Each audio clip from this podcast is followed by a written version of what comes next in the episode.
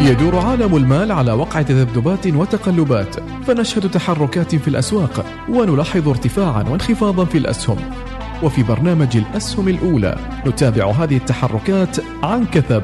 الأسهم الأولى. الأسهم الأولى تحليلات وإحصاءات دقيقة لأهم المؤشرات المالية وحركة التداول العالمية. تطورات بورصة مسقط وكيفية التكيف مع المتغيرات العالمية. الأسهم الأولى. الأسهم الأولى مع الخبير المالي حمزة اللواتي كل اثنين وأربعاء من الواحدة ظهرا. الأسهم الأولى برعاية الهيئة العامة لسوق المال استدامة مالية نحو التنويع الاقتصادي.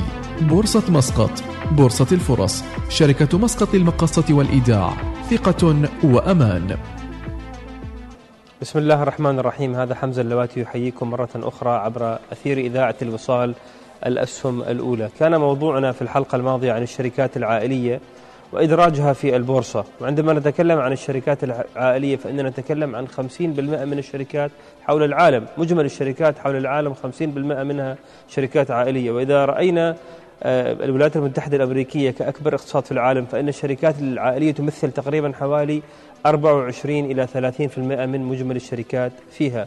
بينما في أوروبا ترتفع النسبة لتصل إلى 50% من الشركات هناك هي شركات عائلية. هذه الشركات العائلية كما تكلمنا عنها لديها مخاطر لديها فرص ولديها أيضا مخاوف من إدراجها في البورصة. في هذه الحلقة مع زميلنا الأستاذ علوي المشهور مرة أخرى نجدد الضوء ونسلط الضوء عليها عن مخاوف هذه الشركات لماذا لا تدرج الشركات العائلية نفسها في البورصة وكيفية عمل دراسة وخطة كاملة لبدء آه، إدراج هذه الشركات في البورصة وبالذات آه، عندنا في دول مجلس التعاون.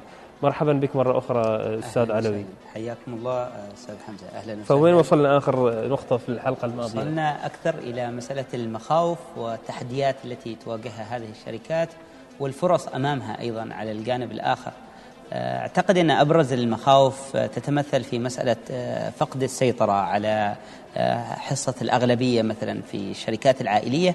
الأمر الآخر أنه ينظر يعني من المخاوف كذلك هي مسألة فقد هذا الإرث العائلي المهم بالنسبة لهذه العوائل التجارية. وأيضا ثالثا قد يكون مسألة ضياع الشركة أو فقدها لهويتها. آه، المرتبطة بالعائلة. وكل هذه المخاوف لها أيضا آه، يعني طرق لتبديد هذه المخاوف لتبديدها بل وبالعكس أن تدفع ب ب ب بنجاحات أكبر للأمام يعني وتجاوب على كل هذه المخاوف بشكل آه، ذكي. مثلا مسألة فقد السيطرة ليست بالضرورة تحدث مع الإدراج لأن الإدراج ليس بالضرورة أن يكون بكامل الشركة. ممكن حصص معينة ممكن نسب قد تتراوح من 10 إلى 20 30 40 49% وتبقى مثلا وتظل العائلة محتفظة بالأغلبية ولديها أعضاء في مجلس الإدارة. بالضبط. بل إنها تمتلك القرار في مجلس الإدارة أحيانا. آه، في بعض الأشياء في بعض الأمور أيضا انتقال هذه الشركة من كيان كبير نسبيا إلى كيان عالمي ومدرج وقادر على المنافسة عالميا بعد الادراج هذا يعني بالضرورة أن أيضا مسألة الإرث العائلة أو ال personal legacy مثلا هي أصبحت أعظم وأكبر وأهم. مثل ما صار في شركات مثل ماكدونالدز بالضبط. آه، أصبحت يعني مثل ما أحد الكتاب الروس كان يقول كان يقول عندما أذهب لأي بلد وأرى مثلا آه، هذا العمود اللي يحمل العلامة التجارية المكتوبة وكأنه مثلا علم أو يعني تمثيل لأمريكا إنه صحيح. اصبحت هذه الشركة عالمية يعني. وحتى لبعض العوائل التجارية مثلا آه، فورد أو وولمارت أو مثلا بعض العوائل التجارية في في أوروبا. أنت لما تشوف هذا الشعار خلاص أنت تعرف ارتباطه بالعائلة يعني. بينما هي شركات مساهمة عامة أو سامسونج مثلا. تشوف هذا الشعار هو مرتبط بالعائلة في نعم. كوريا الجنوبية. ولكن هذا أتاح لها بعد الإدراك أن تصل للعالمية وأن يكون طموحها كذلك أكبر مع هذا التحول. آه، حتى مسألة آه، طبعا فقد الثقة ليس فقد الحصة الأغلبية ليس بالضرورة يحصل مع الإدراك تستطيع تفاديه أيضا مسألة آه، الإرث العائلي يمكنك المحافظة عليه ويمكنك كذلك الاستمرار في نفس اسم على نفس اسم الشركة. بأن وعادة المستثمرين يمكن يفضلوا حتى أن يبقى اسم العائلة بالضبط. لأنه هو يمثل إرث وقصة يعني تاريخية جزء من قصة الشركة عليها يعني بل إنه حتى جزء من ثقة المستثمر بالعلامة التجارية بالعلامة التجارية نتيجة اسم العائلة يعني صحيح. أحيانا آه، كبار المستثمرين المحليين أو الأجانب ممكن يأتي ليشتري حصص في هذه الشركة نتيجة اسم العائلة. مع أن تغير الشخص الذي يديرها تغيرت الإدارة تم إدراجها في السوق ولكن هو ثقته بها نتيجة ارتباطها آه، جميل. تصبح كأنها علامة جودة يعني نحن لدينا أيضا على موضوع الإدراج تجربة ناجحة في في السلطنة بغض النظر إذا كانت هي شركة عائلية أو لا ولكن يعني إذا نسلط الضوء على الشركة العمانية للاتصالات عمان تل كيف صحيح. كانت قبل الإدراج وهذه صحيح. أيضا يعني لمحة سريعة للمتابعين أنه يشوفوا كيف كانت كيف كان حال الشركة قبل الإدراج عندما كانت شركة حكومية لم تكن تداول على بورصة مسقط وبعد الإدراج ما الذي حصل؟ ممكن نسلط الضوء أكثر. آه، بالإمكان تسليط الضوء على تجربة قطاع الاتصالات حتى عموما عمان تيل وبعد ذلك أوريدو أصبحت هذه الشركات بعد الإدراج الجودة أعلى السعر أقل بالنسبة للمستهلك بعد ما كان سعر ال SIM card يصل إلى أحيانا إلى 20 ريال يعني مثلا أو 17 ريال في بعض الفترات صار بمبلغ يكاد يكون مجاني. الجودة صارت أعلى. قدرت هذه الشركات في قطاع الاتصالات على الإنفاق على مشاريع تطورية وكذلك على شراء تقنيات أحدث أصبحت أعلى بعد آه بعد الإدراج نتيجة أن أصبح لديها توفر لسيولة مالية بل الاتجاهات العالمية يعني عمان تملك حصص في شركة زين الكويتية وذهبت إلى باكستان أيضا. صحيح. وإلى السودان أتوقع وكان في مفاوضات في السودان. نعم. فصار يمكنك أن تنافس وتصبح قادر أن تكون من شركة محلية إلى شركة إقليمية ومن ثم عالمية بناء على هذا التحول. هنا في قطاع الاتصالات آه، في شيء مهم كذلك أنه جزء من مسألة آه، الإدراج يمكن أن يتم العمل بها قطاعيا. بمعنى أنه ليس بالضرورة أن يأتي هنالك قرار واحد من فوق على جميع الشركات مثلا آه، العائلية والحكومية أن كلكم اتجهوا للإدراج بالإمكان أن نتجه إلى كل قطاع. يعني أن يتم دراسة كل قطاع على حدة. على حدة. يعني مثلا نبدأ نحن في برنامجنا نفصل بعض القطاعات مثلا قطاع التجزئة. بالضبط. آه، قطاع مثلا السيارات آه، قطاع مواد البناء المقاولات وهكذا. ويتم دراسة كل قطاع ومعرفة الإمكانات والتحديات والتحديات. والفرص.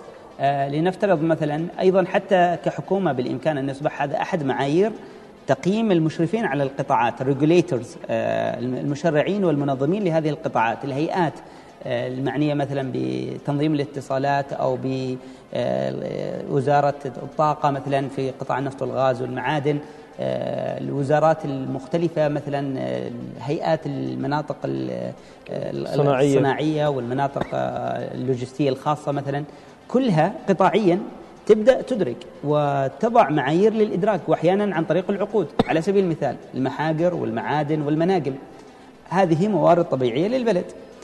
آه، امتلاك عائلة أو فرد لها في شركات خاصة أو حتى حكومية لها قد يكون ظالم بعض بعض الشيء. وأيضا يجعلها تنتج هذه المواد الخام كمواد خام فقط. ولا تتجه للصناعات التحويلية نتيجة أنها لا تمتلك بالعادة أو في الأعم الأغلب آه، سيولة نقدية كافية لبناء مصانع وتحويلها إلى صناعات تحويلية. بينما لو اتجهت للإدراج وأصبحت شركات مساهمة عامة وتوفرت لها سيولة مالية أكبر بإمكانها أن تتوجه إلى آه، وإلى آه، تلعب دور محوري مهم في القطاع نفسه يعني. بالضبط. فلذلك الدراسات القطاعية ووضع كل كل قطاع نوع من المعايير والمحفزات لدفع الشركات الموجودة مثلا في, في هذا القطاع للإدراج كمثال أستاذ علوي أنا أريد يعني أعرج على قطاع اللي هو التجزئة والسلع الغذائية بشكل عام يعني هو قطاع مهم لأنه أصبح هو يعني قطاع من الحاجيات الأساسية. أنت الآن عندك هايبر ماركت سوبر ماركت سواء كانت في أزمة مالية اقتصادية أو كان في انتعاش اقتصادي. صحيح. يعني كأفراد نحن متوجهين لشراء احتياجاتنا اليومية من السوبر ماركت. أنا أعرف أنك تدارس في أستراليا صحيح. دراستك الجامعية وأنا كذلك. ولو تتذكر في أستراليا في عندهم آه، علامتين تجاريتين متنافستين. عندك Coles و Woolworths. وعندك Woolworths اللي هم يعني مسيطرين في قطاع المحلات الغذائية والتجزئة. وعندهم مثل ما يشابه عندنا من محلات معروفة في الهايبر ماركت وش كانت تجربتهم؟ أنا أعرف ان الحكومة أنشأت العلامتين هذه وبعدين صحيح. تم إدراجهم في البورصة في أستراليا صحيح. نعم في أستراليا كان في آه، عمل كبير آه، طبعا أستراليا لم تكن دولة صناعية يعني بشكل كبير يعني وبالعكس كانت النظرة إليها أنها دولة تصدر مواد خام تصدر معادن لحوم وإلى اليوم هذا جزء كبير من اقتصادها زراعية ونعم لكن كان الزراعة واللحوم والمعادن يعني كان في تركيز إنه ما هي القطاعات التي يمكن أن نبدأ بها، في قطاعات أكثر تعقيدا وصعوبة وفي قطاع سهل وفي استدامة ومخاطرة أقل والذي هو قطاع التجزئة. فقالوا أوكي لو أنش... لو تم إنشاء شركات كبيرة في قطاع التجزئة وخلقنا نوع من المنافسة فيما بينها بمعنى هو أيضا ربحه غير مضمون، يعني ممكن تنافس شركة. شركة أخرى ولو كانت أيضا شبه حكومية. هذه الكيانات أصبحت تنافس على ثلاث مستويات. في مستوى البقالة البسيطة اللي موجودة في كل حارة أو أو في كل محطة اللي لا تزيد عن 50 100 متر 100 مثلا متر نعم. وفي السوبر ماركت وفيه الهايبر ماركت أو ال mega المستوى الكبير جدا اللي ممكن تكون في المولات وتم اشتراط عليهم اشتراطات حتى للشركات الأجنبية وليس فقط الشركات المحلية لدرجة أن بعض الشركات الأجنبية اللي كانت تأخذ حصة كبيرة من السوق لم تستطع أن تكمل وخرجت وعادت إلى إلى ديارها يعني. كان المنطق إنه آه الادراج بشكل متدرج في في البورصة, في البورصة. أيضا الشيء الثاني زيادة القيمة المحلية المضافة من خلال زيادة المنتجات التي تصنع أو تزرع محليا. آه، وهذه يعني مثلا لو تروحوا أي محل تجزئة كبير راح تجد إن نسبة كبيرة من المنتجات لديهم منتجات تابعة لنفس الشركة. هنا أنت لما تفاوض. يعني أنت قصدك لما تروح إلى مثلا أرفف السكر تجد إنه مثلا في سكر مثلا لشركة لشركة معينة متخصصة. وتجد لنفس المحل في سكر بعلامته التجارية. بنفس العلامة. أو أي منتج تتخيله نعم. غالبا تجد الأمرين نعم. يعني. فيتم الضغط عليهم ومفاوضتهم ومنحهم محفزات في حال اتجهوا لخيار الإدراك. لخيار الإدراك وخيار زيادة التصنيع المحلي. لأن هذه الأطراف يعني 20 عالميا يعني الإحصائيات تقول عالميا 20% إلى 30% من دخل الفرد هو يتجه إلى قطاع التجزئة يتجه احتياجاتك اليومية أنت تأكل وتشرب وتلبس آه، غالبا من هذه المحلات الكبيرة يعني. فإنفاقك إذا يروح لهم وفي النهاية يتم تحويله للخارج غير هذا إنه لا يتم ادراجه في السوق المحلية ولا ولا تستطيع أن تشتري حصص فيه هذا أحيانا مضر يصبح مثل الليكج أو التسريب في الاقتصاد المحلي. في إنفاق في محلات واستثمارات ومن ثم إنفاق من المستهلكين وبعد ذلك في تحويل يعني الأموال. بعبارة أخرى مثلا يجي مستثمر أجنبي يقول لك أنا أريد أستثمر في قطاع التغذية أو المتاجر التجزئة في التغذية في السلطنة صحيح. أو في أي دولة ثانية فما لازم هو يبدأ ويستثمر بإمكانه إنه هو يشتري حصص تلك الشركة إذا كانت مدرجة في في بالتالي صحيح. صار مستثمر ويصير هو نفسه مستثمر فيها وحتى يصير في ممارسة أن الناس تشتري من الشركة اللي هي مستثمرة فيه نعم. آه مستثمرة فيها مثلا في شركة شركة بالتجزئة مثلا في صلالة في آه شركة تجزئة لكنها ليست آه مساهمة عامة مغلقة جمعية أهلية يعني. الأسر اللي معروفة أنها مساهمة في في هذه الشركة أكثرهم وأكثر أبنائهم يشترون من نفس شركات التجزئة لأن بالنسبة لهم هو كأنه ينفق في الشركة التي هو لديه أسهم بها يعني. نعم. آه وهذه ممارسة ذكية. كثير من الدول نجحت في هذا الجانب. أستراليا في بعض الدول في الخليج مثلا قطر والميرا مثلا. آه في الشركات العالمية اللي أصبحت في قطاع التجزئة تنافس في العالم أجمع. مثلا آه كارفور أصبحت موجودة في معظم دول العالم. وولمارت آه، وولورث والمارت والمارت الأمريكية نعم. والمارت الأمريكية. أصبحت اليوم موجودة في أكثر من 80 90 دولة حول العالم في قارات العالم الخمس. وهو قطاع سهل وقطاع يساعد على التصنيع و... ويدعم تحته مجموعة من القطاعات. هو ليس فقط تجارة. يوفر فرص عمل كبيرة بالضبط. أيضا. يعني هو يحرك قطاع الزراعة في البلد لأنه أنت راح تجي وتشتري منتجات زراعية. يحرك قطاع الصناع الصناعات الخفيفة. آه، وهذا قطاع حيوي جدا يعني ودائما عليه طلب. حتى في عز الأزمات الاقتصادية هنالك سلع أساسية وسلع يعني يكاد يكون مرتبطة بالرفاه. السلع الأساسية حتى في الأزمات أنت ما راح توقف تشتري حليب مثلا في الأزمة. بالعكس يمكن يزيد لأنك تخاف أنه ما يتوفر فتروح تشتري أكثر. صحيح. ما راح توقف تشتري ماء أو لحوم أو خبز أو أجبان أو السلع الأساسية دائما عليها طلب. فمن خلال هذه القطاعات يعني بعض الدول اشتغلت على شيء إنه تأتي للتجار. مثلا هذا القطاع يسيطر عليه تجار أجانب مثلا أو عوائل تجارية محدودة. تأتي إليهم تقول لهم أنا راح أعطيكم محفزات في حال إنكم اتجهتوا إلى الإدراك. هو ببساطة بمنطق اقتصادي راح يسألوا وش هي المحفزات. بعض هذه المحفزات إنه يكون له أراضي تجارية في الأحياء السكنية الجديدة. لهذا أي مخطط سكني جديد؟ أي مخطط تمنح له الأولوية يعني. يمنح هو الأولوية. هذا محفز جدا كبير. لكن اتجه نحو الادراج أيضا أحيانا اعفاءات في الجمارك اعفاءات لسنين محددة بحيث إنه هو يكون لديه دافع نحو الادراج وهي أو كذلك العنصر الثالث زيادة حصة القيمة المحلية المضافة ال ICV من خلال زيادة المنتجات والعقود التي يتم تص... آه، يعني تكون موجودة داخل البلد. يعني يتم توريدها من داخل من الاقتصاد داخل المحلي. من داخل الاقتصاد المحلي. يعني نسبة الاقتصاد المحلي مثلا اليوم ادخل أي سوبر أو هايبر ماركت في عمان نسبة المنتجات التي تصنع أو آه، نتيجة استيراد محلي يعني هي لا تشكل يمكن 5 إلى 10% من إجمالي ما يتم استهلاكه. يمكن فقط في الصناعات الغذائية حصلت طفرة مؤخرا لكن في غير بقية القطاعات نسبة محدودة جدا. الدول الأخرى تدفع باتجاه زيادة هذه النسبة إلى أن تصبح 50 60% وهكذا.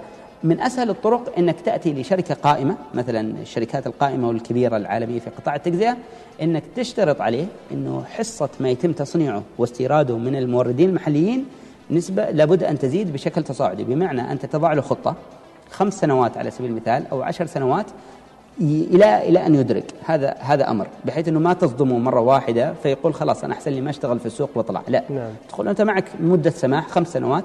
إلى تلك الخمس سنوات لازم تزيد نسبة القيمة المحلية المضافة تدريجيا من 5% إلى 10 إلى 15 إلى 20 هذا جانب. الجانب الآخر مع مع هذا الأمر لابد أن تتجه نحو الادراج وحتى هذا الادراج يمكن أن يكون تدريجيا. وبقدر التزامك بنسب أعلى من الإدراج تنال امتيازات أكثر في الأراضي في الفرص في الإعفاءات الجمركية في الإعفاءات الضريبية وفي كل في تلك الميزة نحن أيضا عندنا تجربة في السلطنة سابقا آه، ولا زالت في موضوع المناقصات تقديم على المناقصات الحكومية. صحيح. كانت شروط في بعض المناقصات على أن مثلا نسبة تأمين معينة. المفاضلة. أحد معايير المفاضلة المفاضلة. ووجدنا أنه كثير شركات أخذت الأمر بجدية وبدأت بي يعني بزيادة نسب التأمين لديها وتوظيف صحيح. المواطنين.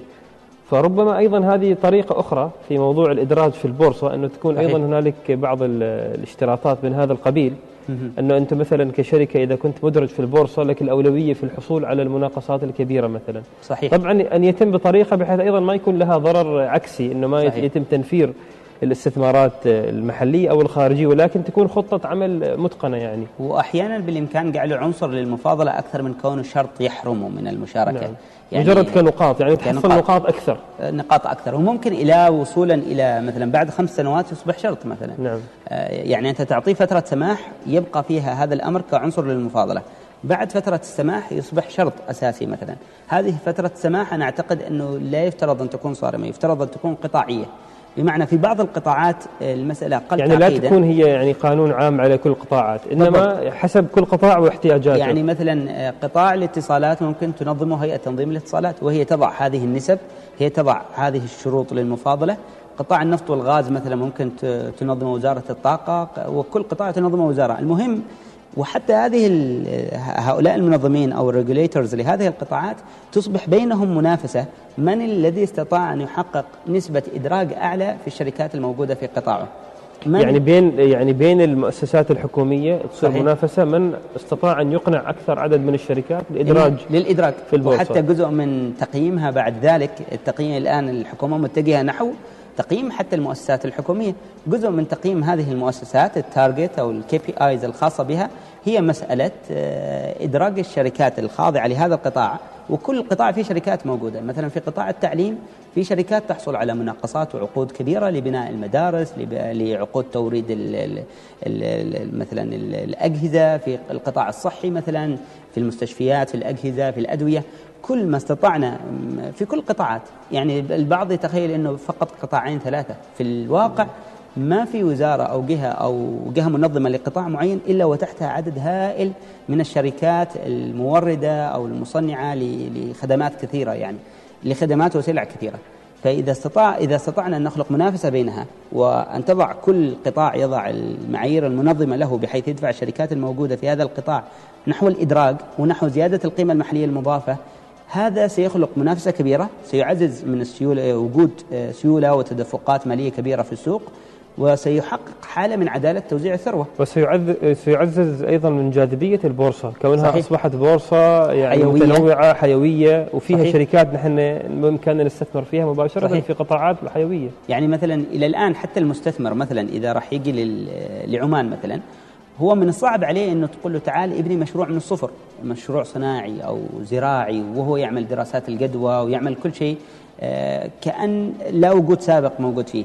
لكن لو يعرف بوجود شركة عائلية قوية موجودة في هذا القطاع لها خمسين سنة ستين سنة عندها عقود لها وجود خارج عمان قادرة تصدر هو الآن لما يضخ معها كاستثمار آه، من خلال البورصة من خلال أنه يشتري أسهم في البورصة هو يقدر يحلل السهم في إفصاح مالي يقدر يحلل أداء السهم يحلل القطاع نفسه وبناء عليها يتخذ قراره في الاستثمار ويكون أكثر سهولة في الدخول وفي التخارج نعم. من لو هو يأسس شيء من الصفر وما يعرف كيف يتمه أيضا حتى هذه الشركات العائلية مع وجود هذه السيولة والتدفقات المالية بإمكانها تعمل على التوسع مثلا ذكرنا قطاع اتصالات كيف استطاعوا أنه يعلوا من الجودة ويتوسعوا خارج عمان من خلال الإدراج.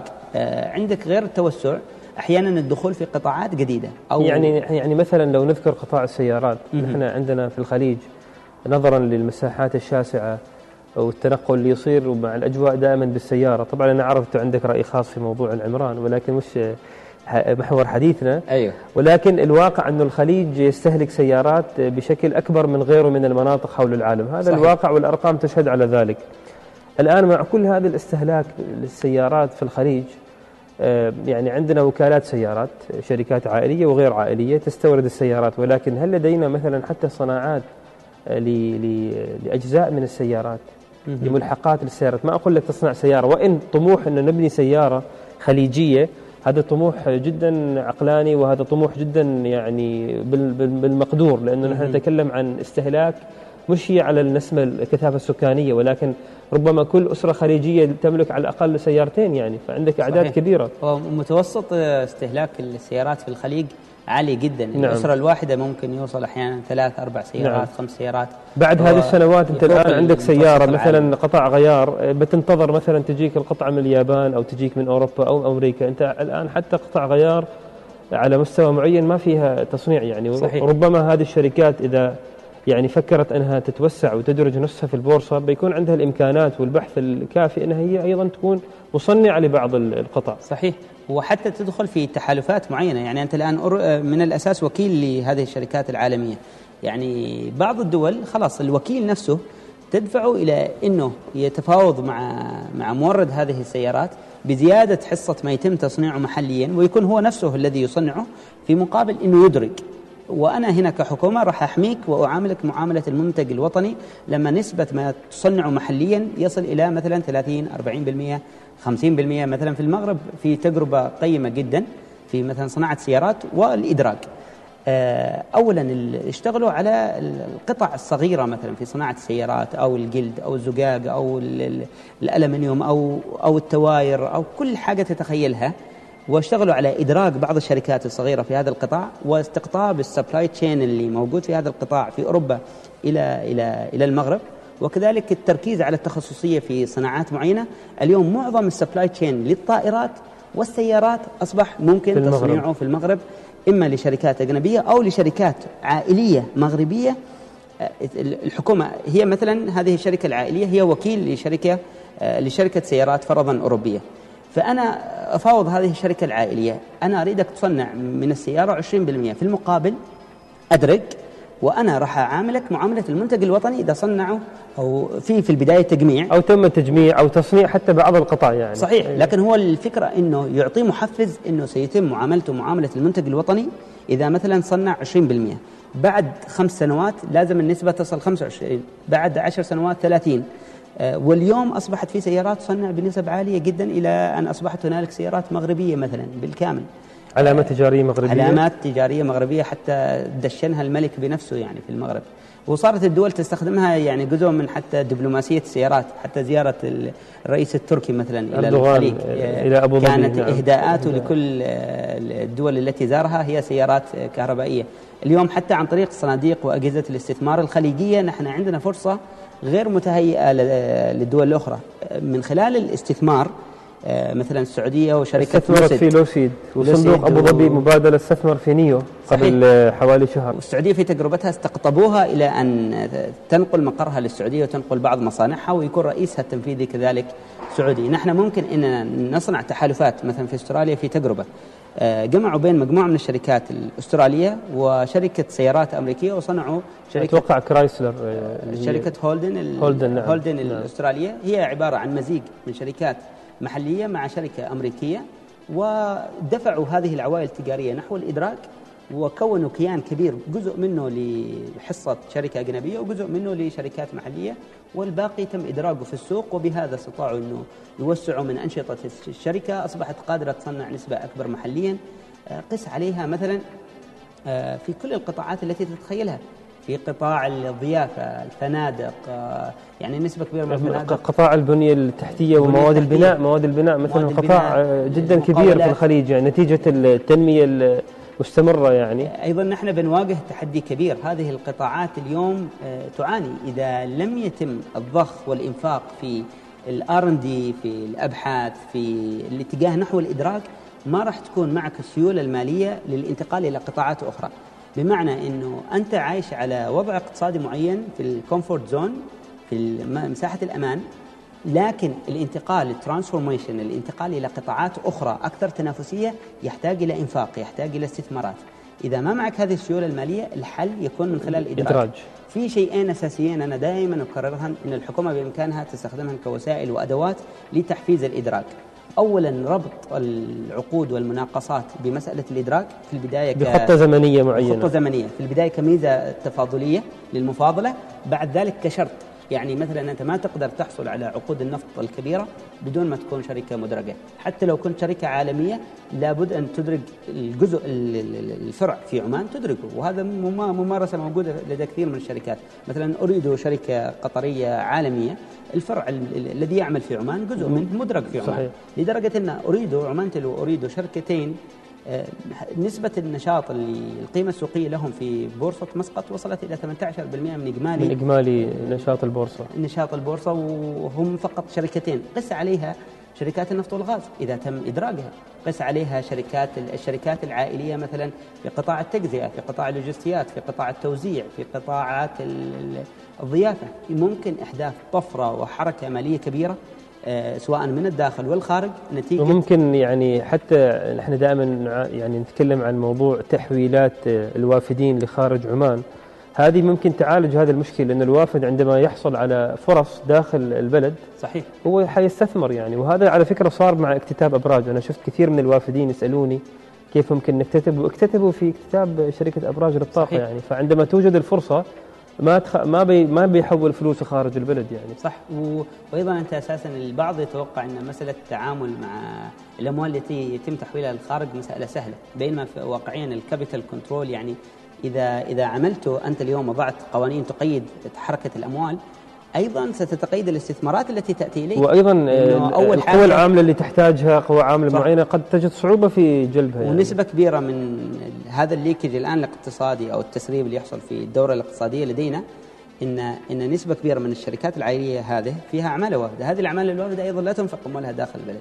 يعني غير إنه أنت هذه المناقصات والعقود تروح لشريحة صغيرة، بعد ذلك الشريحة التي تعمل معها هي أغلبها وافدة وأيضا ما تنفق في الداخل.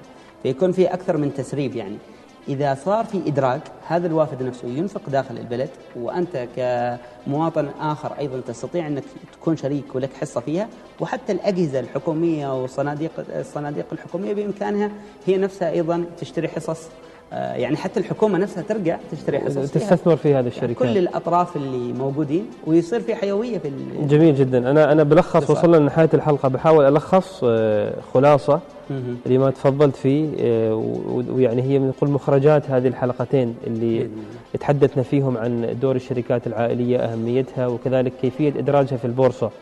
وحتى نرفع هذه المقترحات للجهات المختصة عسى ولعل إن شاء الله. طبعا هم يتابعون الحلقة. ونحن نتمنى أنه نحن نفيد الوطن بكل ما نملكه من معلومات أو من يعني مقترحات فنقول كالتالي أولا دراسة كل قطاع على حدة يعني إذا نتكلم عن إدراج صحيح. حوافز إدراج الشركات العائلية في البورصة ينبغي أن ندرس كل قطاع على حدة ونستكشف فيه الفرص وكذلك المخاطر وأن يتم وضع جدول وجدول وبرنامج لتحفيز هذه الشركات. زمن. نعم. ثانيا آه، طبعا آه، النقطة المهمة جدا اللي هو دراسة طرق تأميم أو يعني توطين بعض الصناعات المرتبطة بتلك الشركات حتى يزيد آه، القيمة المضافة المحلية للاقتصاد الوطني.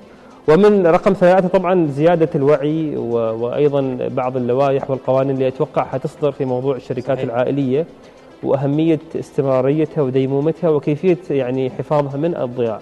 صحيح. ربما هذه النقاط الثلاثة اللي هي هذه النقاط الثلاث بس في النقطة الثانية أنا أحب أضيف شيء. نسبة كبيرة من الشركات العائلية هي أساسا تعمل كوكلاء لشركات أجنبية وتبيع السلعة مثل ما هي. مثلا قيمة السلعة فرضا لنفترض 10000 آه، ريال عماني هو راح يخليها مثلا 11 12000 2000 صافي ربح له والباقي يخرج من البلد. إذا بالملايين يعني أنت تتكلم عن 80% يخرج خارج البلد و20% يبقى. وهي نسبة ظالمة يعني.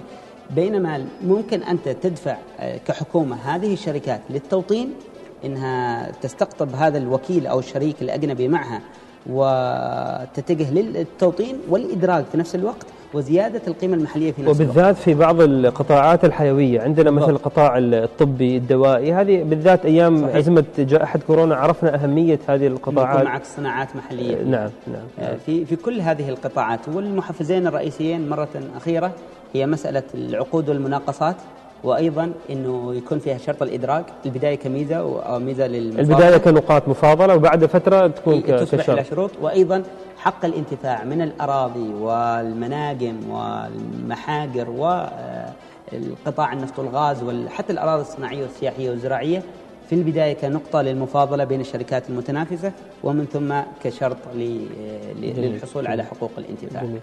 جزيل الشكر على مداخلاتك. أتوقع قد حاولنا نغطي الموضوع من أكثر من طرف وأكثر من طريقة وهذه أتوقع من المبادرات الأولية في موضوع الشركات العائلية في السلطنة وكيفية إدراجها في البورصة. نحن ما نقول على أن كل ما ذكرناه أنا وزميلي الأستاذ علوي صحيح هي مجرد آراء تحتمل الصحة تحتمل الخطأ. نحن نرحب بآرائكم نرحب باقتراحاتكم بمداخلاتكم أيضا على ما تفضل به ضيفي الأستاذ علي المشهور. هذا حمزة اللواتي يحييكم مرة أخرى عبر الأسهم الأولى. تابعونا عبر إذاعة الوصال. السلام عليكم ورحمة الله وبركاته. شكرا لكم. يدور عالم المال على وقع تذبذبات وتقلبات فنشهد تحركات في الأسواق ونلاحظ ارتفاعا وانخفاضا في الأسهم. وفي برنامج الأسهم الأولى. نتابع هذه التحركات عن كثب. الأسهم الأولى. الأسهم الأولى. تحليلات وإحصاءات دقيقة لأهم المؤشرات المالية وحركة التداول العالمية. تطورات بورصة مسقط وكيفية التكيف مع المتغيرات العالمية. الأسهم الأولى. الأسهم الأولى. مع الخبير المالي حمزة اللواتي كل اثنين وأربعاء من الواحدة ظهرا. الأسهم الأولى برعاية الهيئة العامة لسوق المال استدامة مالية نحو التنويع الاقتصادي. بورصة مسقط بورصة الفرص شركة مسقط للمقاصة والإيداع ثقة وأمان.